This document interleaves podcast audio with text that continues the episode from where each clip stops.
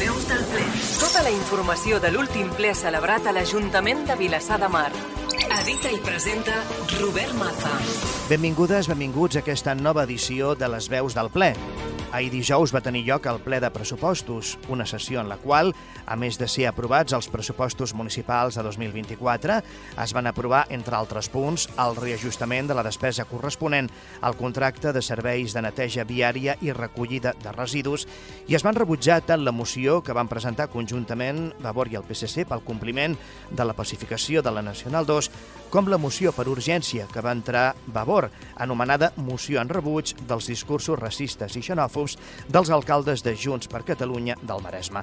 Us ho explicarem en detall en aquesta edició de les veus del ple, la última de l'any, que serà una miqueta més llarga del que és habitual. Les veus del ple. El resum. Entrem en matèria. Ahir es va aprovar inicialment el pressupost municipal de 2024, que comprèn el del mateix Ajuntament, el de Patronat d'Escoles Bressol i el de Vilassar, Societat Municipal de Promocions Urbanes, Societat Anònima. El pressupost es va aprovar amb els vots a favor de Junts Estimem Vilassar i Esquerra Republicana de Catalunya BDM Futur, l'abstenció del Partit Popular i els vots en contra de Vavor i del Partit dels Socialistes de Catalunya. Pel que fa al pressupost de l'Ajuntament, el regidor d'Hisenda, Adrià Saborit, va explicar que és de 26.762.788 euros, 1,7 milions d'euros més que el de 2023, del qual va recordar que era un pressupost que venia prorrogat de 2022, durant un any en què ha augmentat el preu de l'energia i subministraments i també els tipus d'interès bancaris.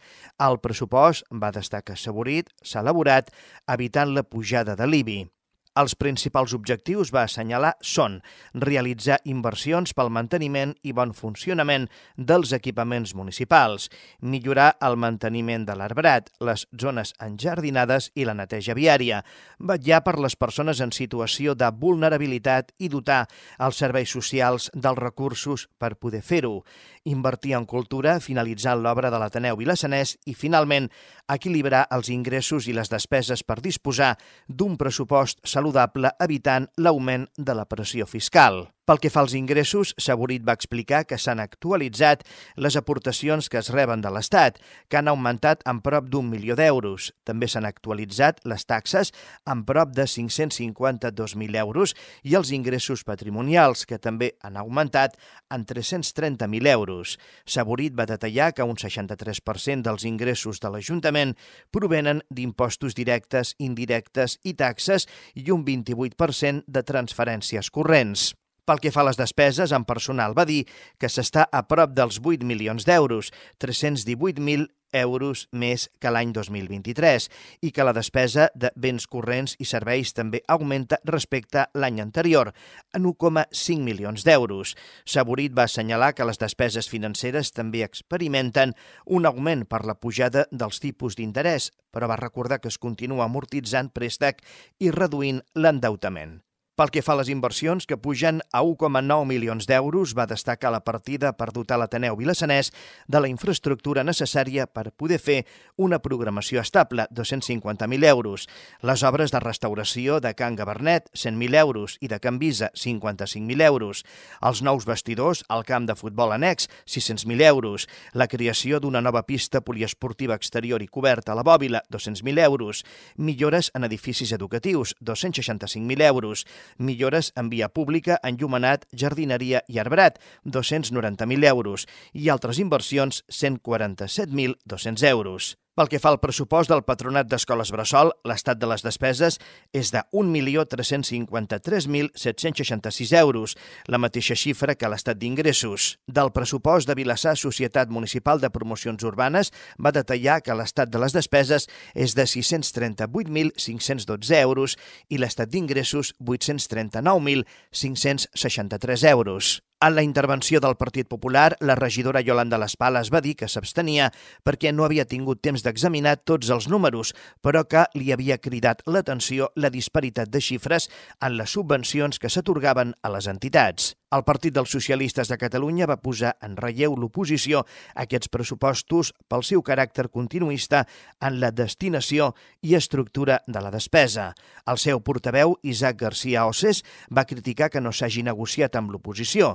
No sabem quin és el projecte polític que hi ha darrere, va afirmar García Osses, manifestant respecte a les inversions que principalment són de reformes i reparacions d'equipaments existents i no hi ha cap inversió en habitatge públic ni en transició energètica. Per al Partit dels Socialistes de Catalunya, aquests pressupostos són fruit d'un acord intern de govern sense la participació de l'oposició. Vavor va començar la intervenció dient que no entenien la precipitació per portar-los a aprovació perquè igualment s'hauran de prorrogar uns dies al de 2023 al 2024 i tampoc entenien per què no s'havia convocat un ple extraordinari per tractar-los com a únic punt, com sempre havia demanat Junts quan estava a l'oposició.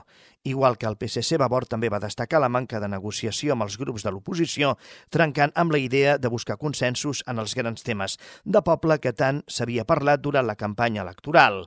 Pel que fa al contingut del pressupost, va assenyalar que són uns pressupostos que pivoten sobre la decisió de congelar la font d'ingressos més important de l'Ajuntament, l'IBI, i que això condiciona tot el pressupost. Destaca que no hi ha res en el pressupost per avançar en la transició energètica, en mobilitat sostenible, en inversió per adquisició d'habitatge i que es redueix l'aportació a la braçoleta perquè havia obtingut romanent.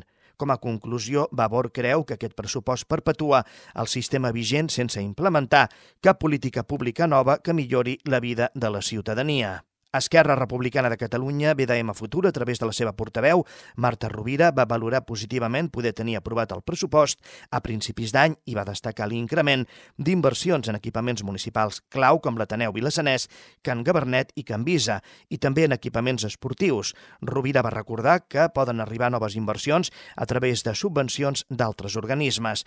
Sobre el tema de les subvencions a les entitats, al·ludides pel Partit Popular, va explicar que tots els imports es parlen directament directament amb les entitats i que les subvencions atorgades sempre s'han de justificar amb factures de les despeses realitzades.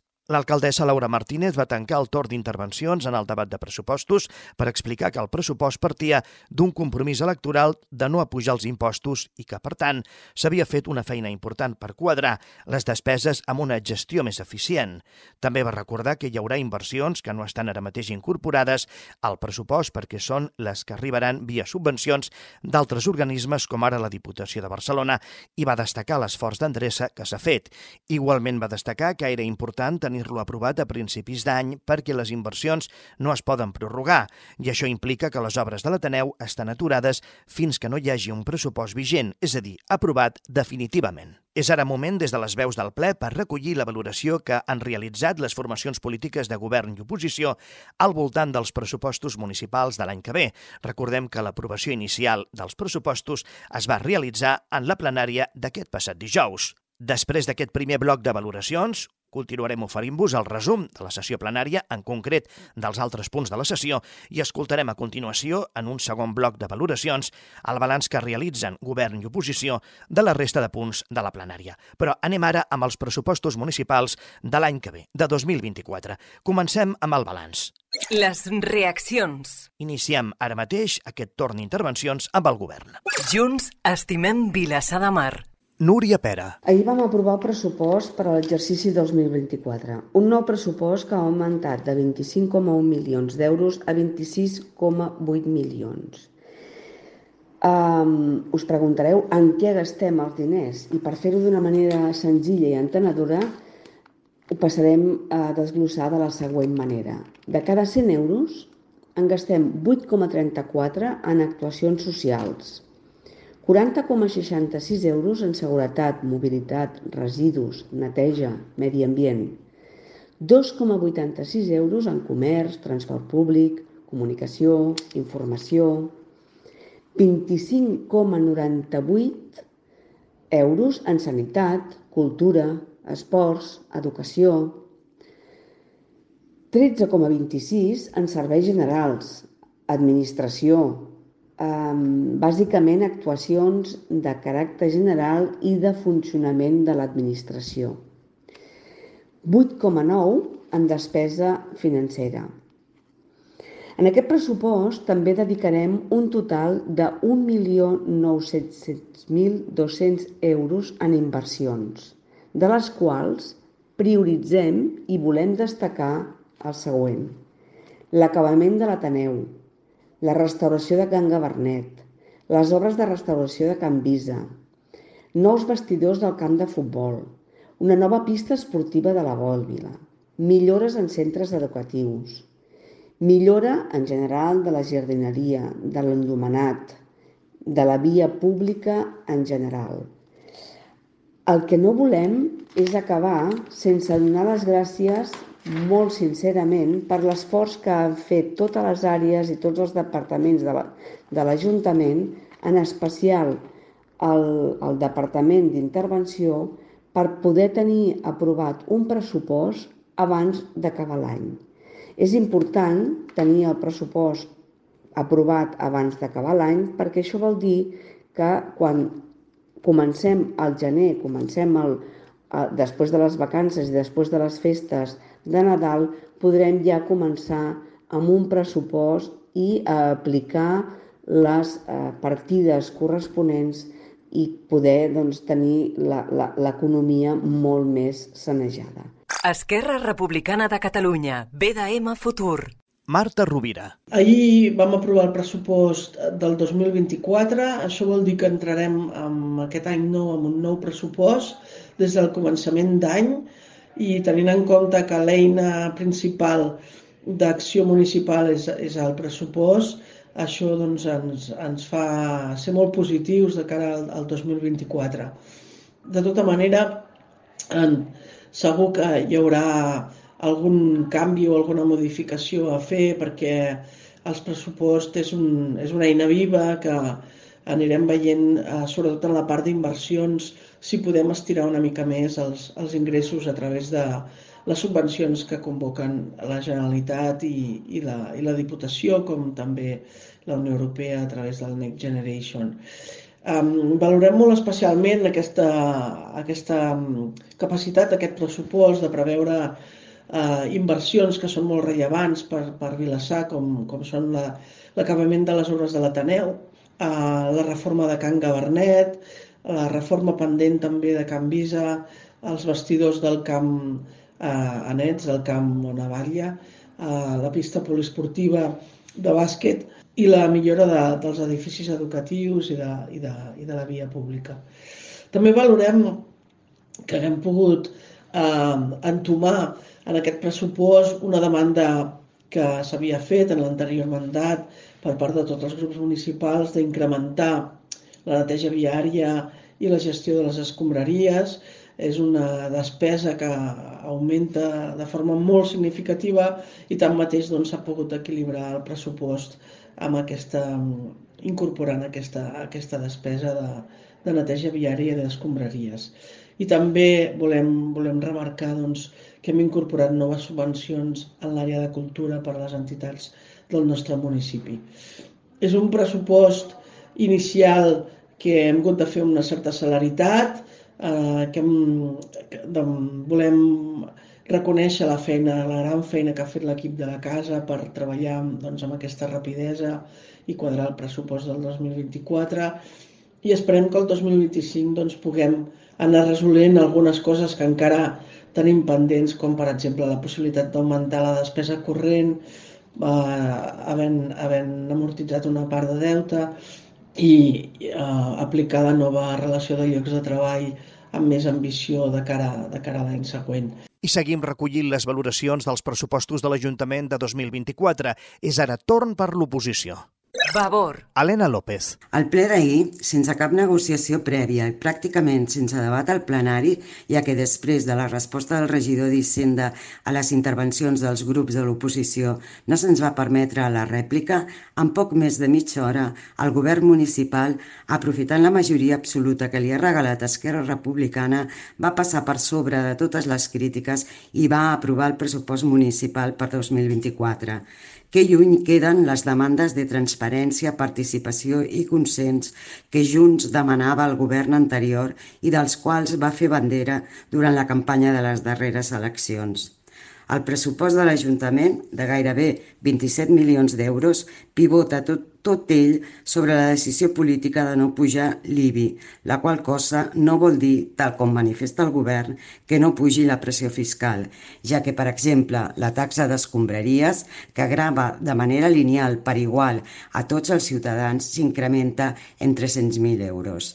Aquesta congelació de l'IBI, que sí que té un cert grau de progressivitat i que grava només als propietaris i no a tota la població, determina que per quadrar el pressupost s'hagin hagut de fer retallades importants en personal de l'Ajuntament, medi ambient, habitatge, cultura i educació i que en cap d'aquestes matèries el pressupost planifiqui cap política pública per assolir els importants reptes que se'ns plantegen en un futur immediat. Pel que fa a les inversions, gairebé 2 milions d'euros, sobre les que tampoc hem tingut l'oportunitat de manifestar-nos, van totes amb càrrec a préstec, augmentant així l'endeutament municipal i consisteixen bàsicament en el manteniment d'equipaments ja existents, llevat de dos equipaments esportius. En definitiva, uns pressupostos que fan una millora substancial en quant a endreça, claredat i sistematització, cosa que cal agrair al personal tècnic de l'Ajuntament, però que no aporten res ni dissenyen cap política pública per millorar la vida dels veïns ni per assolir els reptes immediats de sostenibilitat i lluita contra el canvi climàtic. Finalment, juntament amb el pressupost es va aprovar també la plantilla i la relació de llocs de treball de l'Ajuntament sense la prèvia consulta i negociació amb la mesa dels treballadors en el que creiem que és l'omissió d'un tràmit essencial per la seva aprovació i un gran menysteniment envers el personal de la casa, en una mostra més que un cop obtinguda la majoria absoluta, tot allò del consens i la participació ha passat a la història. Partit dels Socialistes de Catalunya. Isaac García Osses. En el ple d'ahir es va portar a aprovació el pressupost municipal. Des del Partit dels Socialistes ens vam manifestar en contra d'aquests números perquè són fruit d'un acord intern de govern sense obrir el procés a negociar i participar de la seva confecció a la resta de partits polítics de l'oposició. És un pressupost continuista en la despesa, tot i augmentar els ingressos en 1,5 milions d'euros. No hem pogut participar tot i la nostra voluntat de treballar-los des del mes de juliol.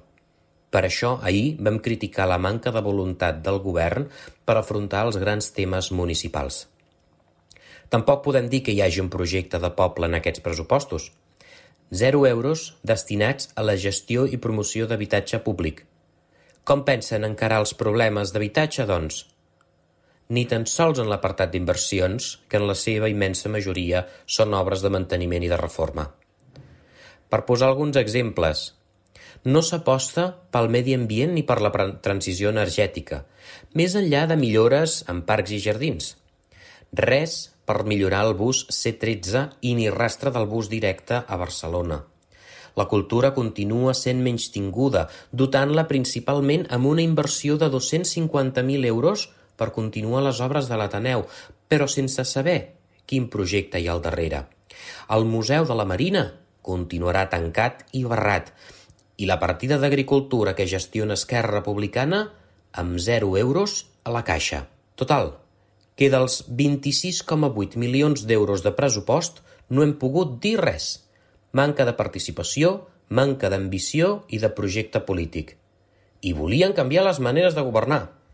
Partit Popular. Yolanda Las Palas.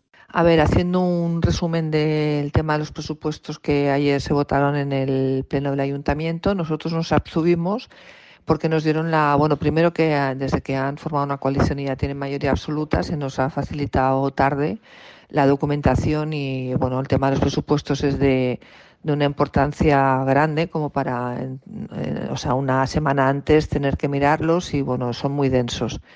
Entonces, bueno, dentro del estudio que hemos realizado, bueno, pues hay partidas que, que hablan de despesas diversas que no están aclaradas y, bueno, ayer nombré una de 80.000 y pico de euros, otra de 60.000 euros. Y luego tampoco estamos de acuerdo con la que se ha duplicado el tema para el arreglo de jardines, el tema de las basuras también con todo lo, el, presupuesto que hay enorme no, no ha cumplido la empresa Y por otro lado, el tema de las subvenciones también hice una queja porque, bueno, hay, hay subvenciones para, para asociaciones pues, entre 3.000, 4.000, 5.000, 6.000 euros. Y hay pues, subvenciones de raquíticas, por ejemplo, para la Asociación de Daimileños, que son unas 300 personas y mueve a mucha gente en el barrio del Barato y hacen muchas actividades, pues bueno, y la contestación de la concejal de Esquerra Republicana, Marta Rovira, fue que es que dan las subvenciones en, en función de lo que demandan las asociaciones y eso es incierto del todo porque no están contentos en la asociación porque claro no, no les cubre siquiera para, para, para pagar el hotel cuando invitan a, al alcalde de Daimiel o alguna persona más allí de, del gobierno, ¿no? O sea que eso es totalmente incierto y bueno, creo que no está bien en un pleno decir cosas que no son. Y bueno, por, eh, por eso nos abstuvimos y no estamos de acuerdo con este presupuesto ni, ni las formas, como nos han avisado, pues eso, con muy poco tiempo para, ya no se cuenta tanto con la oposición, ahora que hay mayoría absoluta, pues, pues ya no se cuenta tanto. Deixem els pressupostos municipals i centrem ara la nostra atenció en la resta de punts de la sessió plenària d'aquest passat dijous. En el segon punt s'aprovava la modificació de la plantilla de personal i modificació de la relació de llocs de treball de l'Ajuntament i del Patronat Municipal d'Escoles Bressol de Vilassa de Mar. L'aprovació va tenir els vots a favor de Junts Estimem Vilassar i Esquerra Republicana de Catalunya BDM Futur, l'abstenció del Partit Popular i els vots en contra de Vavor i del PSC. Respecte als grups que van intervenir al debat, des del PSC van argumentar el vot en contra per principalment la manca de negociació amb els treballadors i perquè, segons va apuntar el seu portaveu, Isaac García Osses, l'informe de recursos humans reflecteix que cal donar prioritat als treballs de la valoració de llocs de treball per tal de poder quantificar l'estructura necessària per donar els serveis de forma eficient i eficaç.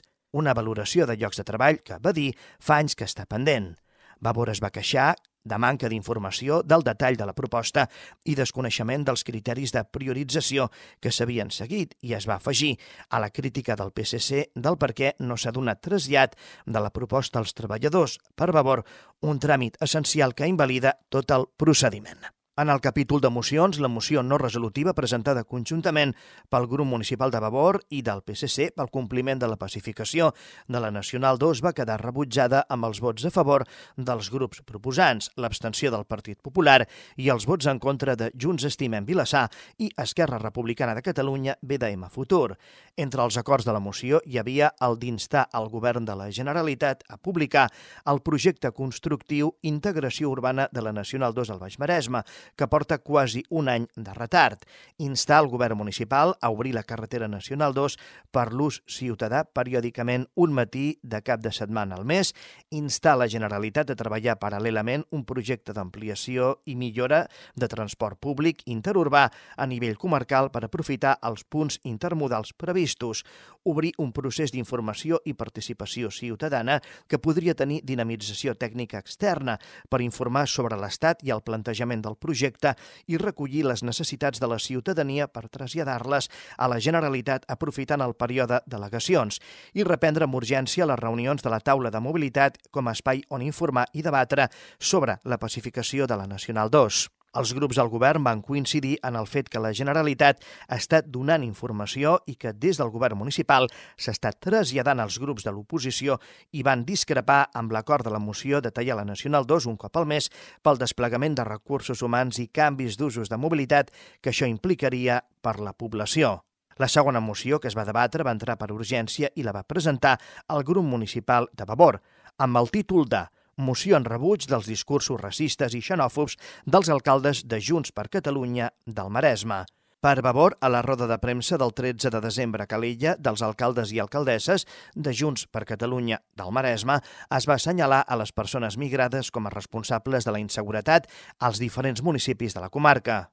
Entre els acords de la moció hi ha els següents expressar el rebuig del plenari de l'Ajuntament de Vilassar de Mar a les declaracions de caràcter racista i xenòfob dels alcaldes i alcaldesses de Junts per Catalunya al Maresme que vinculen immigració amb delinqüència.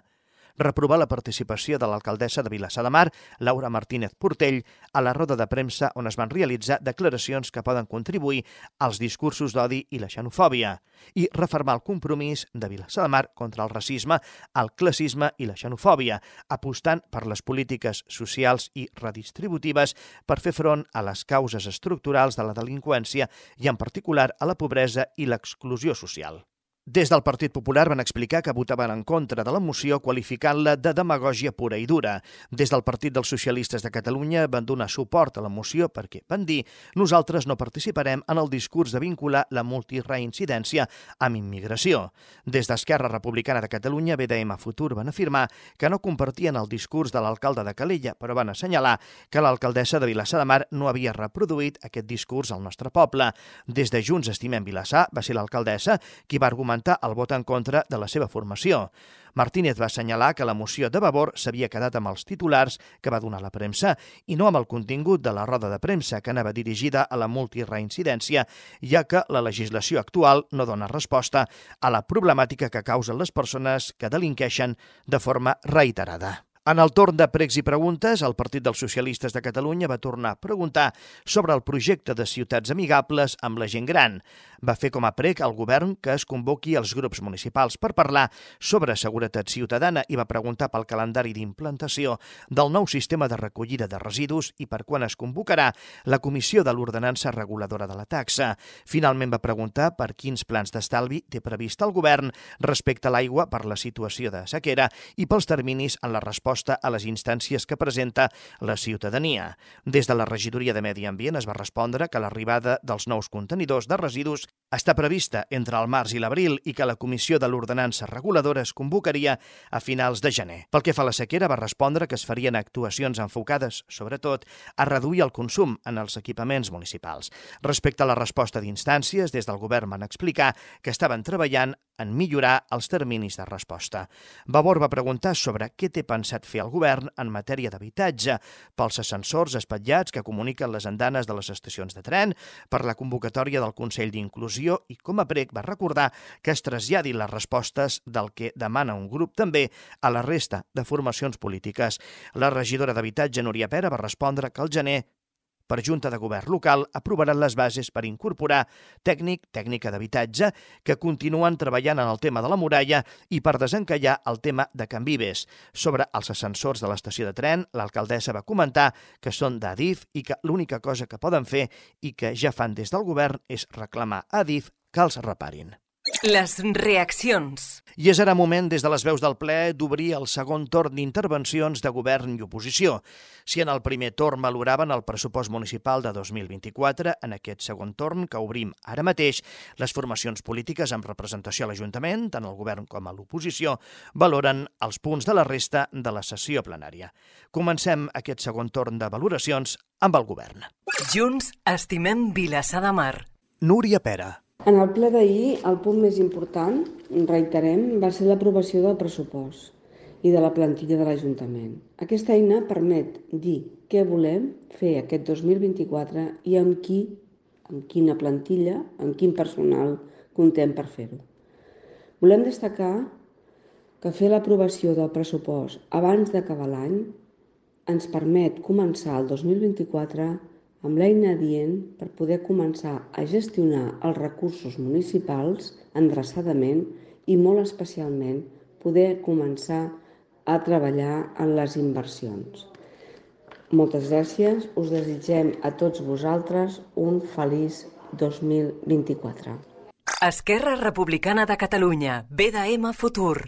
Marta Rovira. Um, en el ple d'ahir, Esquerra Republicana Vilassar de Mar Futur es va abstenir a la moció presentada per Vavor i, el grup dels socialistes sobre la pacificació de la Nacional 2, perquè tot i que compartim l'interès i la, la premura pel, pel projecte, sabem que s'està treballant, tenim converses amb la Generalitat, eh, tindrem d'aquí dos anys un, un nou carrer, el Nacional 2 serà un nou carrer pels vilassarencs i vilassarenques de la, del nostre poble, un carrer que unirà als pobles del Baix Maresme, des del Nou fins a Cabrera de Mar, que implicarà l'existència d'estacions intermodals de connexió de transport públic que tindrà un, un carril bici um, doncs que farà que, que, que sigui fàcil anar en bicicleta per Vilassar i per, per tot el, el Baix Maresme. Um, estem, per tant, també molt pendents i treballem amb la Generalitat per tirar endavant aquest projecte, com també la connexió amb l'autopista que, que es crearà a la intersecció entre Cabrils i Vilassar de Mar. El que no veiem clar és que s'hagi de tallar un cop al mes sí o sí la Nacional 2, sinó que preferim fer-ho en el moment en què hi hagi activitats organitzades, que segurament podrem anar eh, desplegant i parlant-ho també amb els nostres municipis veïns per tal de coordinar-nos. D'aquesta manera donem significat a, a les activitats que s'hi fan i les podem organitzar de forma adequada i les podem coordinar doncs, amb policia local i amb, amb, amb la resta de municipis, com deia. Pel que fa a la, a la moció que vam presentar a Vavor sobre els discursos racistes, compartim la condemna a aquests discursos racistes, sobretot per part de, emesos per part de l'alcalde de Calella, i al qual s'han afegit doncs, el Partit Popular i Vox a nivell comarcal, Um, però també volem remarcar, i per nosaltres és molt important, que més enllà d'una condemna que pot ser més o menys retòrica, el que ens preocupa és que es duguin a terme polítiques de seguretat efectives. I en això estem d'acord en el que plantejava l'alcaldessa de Vilassar de Mar eh, fa uns dies aquí al nostre poble, quan es va produir una situació d'una certa alarma i preocupació per eh, la reincidència en certs delictes que afecten precisament a, a persones menors i per tant que preocupava molt a les famílies. Creiem que es va actuar amb celeritat, amb responsabilitat i és a això que ens agafem perquè no volem entrar en guerres dialèctiques, sinó que volem treballar per donar solucions al nostre poble. I del govern a l'oposició, per finalitzar, us oferim la valoració de les forces polítiques de l'oposició de la resta de punts de l'ordre del dia. Vavor. Eudal Tenies. Del ple d'ahir, a part del punt de pressupostos, des de Vavor destaquem les dues mocions que, que vam presentar.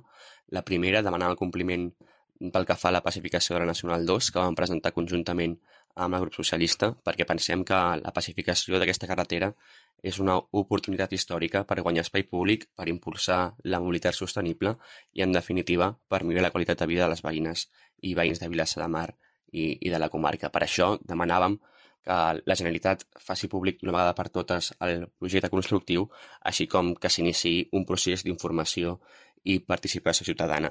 Lamentem que la moció no prosperés degut a l'abstenció d'Esquerra i al vot contrari de Junts. I després també vam presentar d'urgència una moció eh, en rebuig de la roda de premsa dels alcaldes de Junts del Maresme, on es van realitzar declaracions xenòfobes i racistes associant directament la immigració amb, amb la delinqüència. En aquesta moció demanàvem que el ple expressés el rebuig d'aquestes declaracions de caràcter racista i xenòfob, així com també reprovés la participació de l'alcaldessa Laura Martínez Portell en primera línia d'aquesta roda de premsa.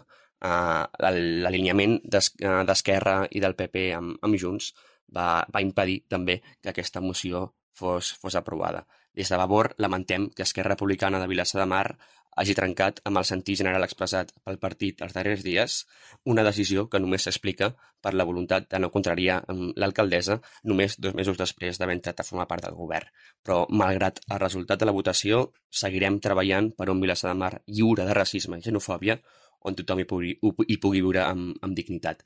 I, finalment, al torn de, de pregs i preguntes, vam exigir que el govern convoqui ja a la comissió per redactar el reglament de la taula d'inclusió i que aquest Consell d'Inclusió de Vilassar de Mar pugui posar-se a funcionar ja en aquest mandat.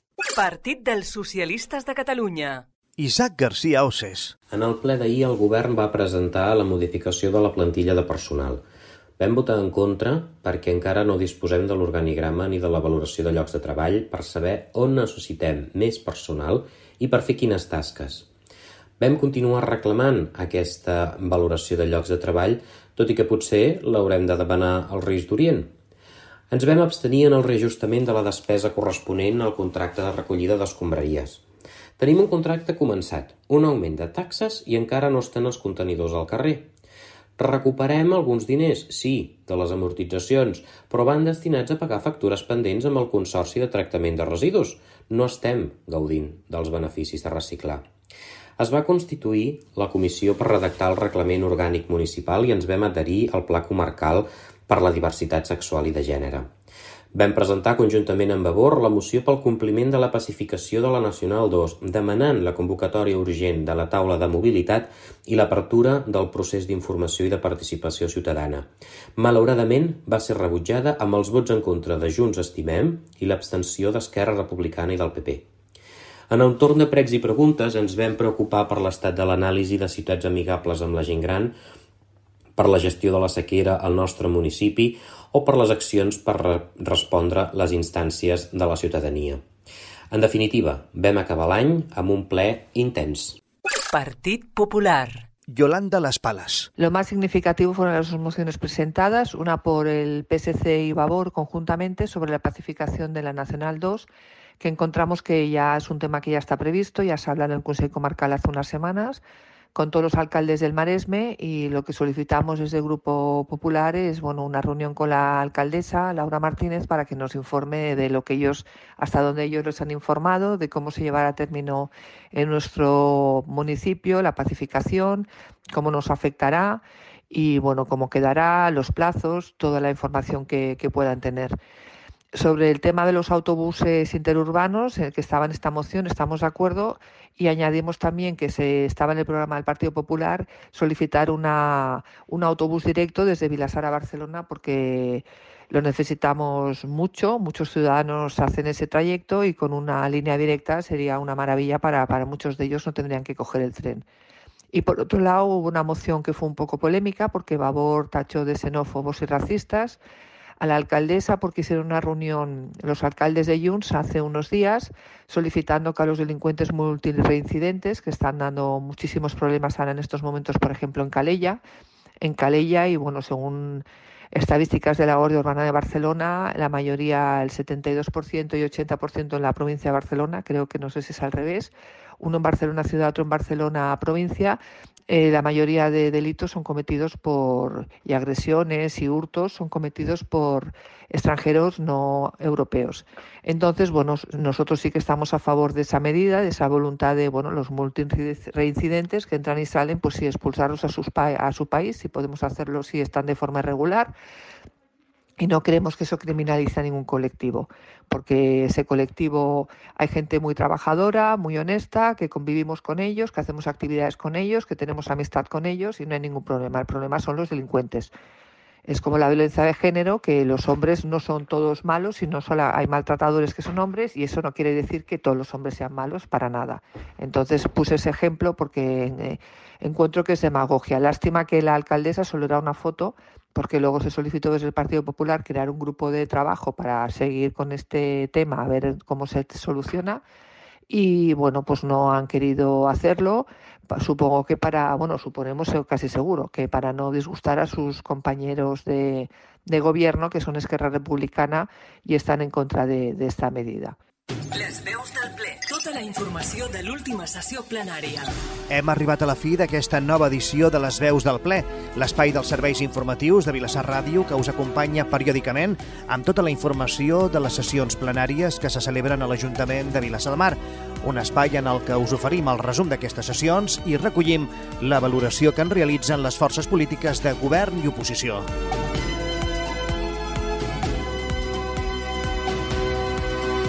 Recordeu que podeu tornar de nou a sentir les veus del ple i les sessions plenàries si entreu al web de Vilassar Ràdio que té com a adreça vilassarradio.cat i aneu a la pestanya Ràdio a la Carta.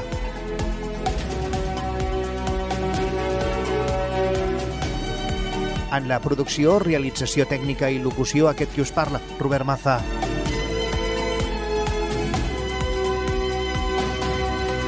Moltíssimes gràcies per acompanyar-nos un dia més. Us esperem la propera edició de Les Veus del Ple. Les veus del ple, un espai dels serveis informatius de Vilassar Ràdio.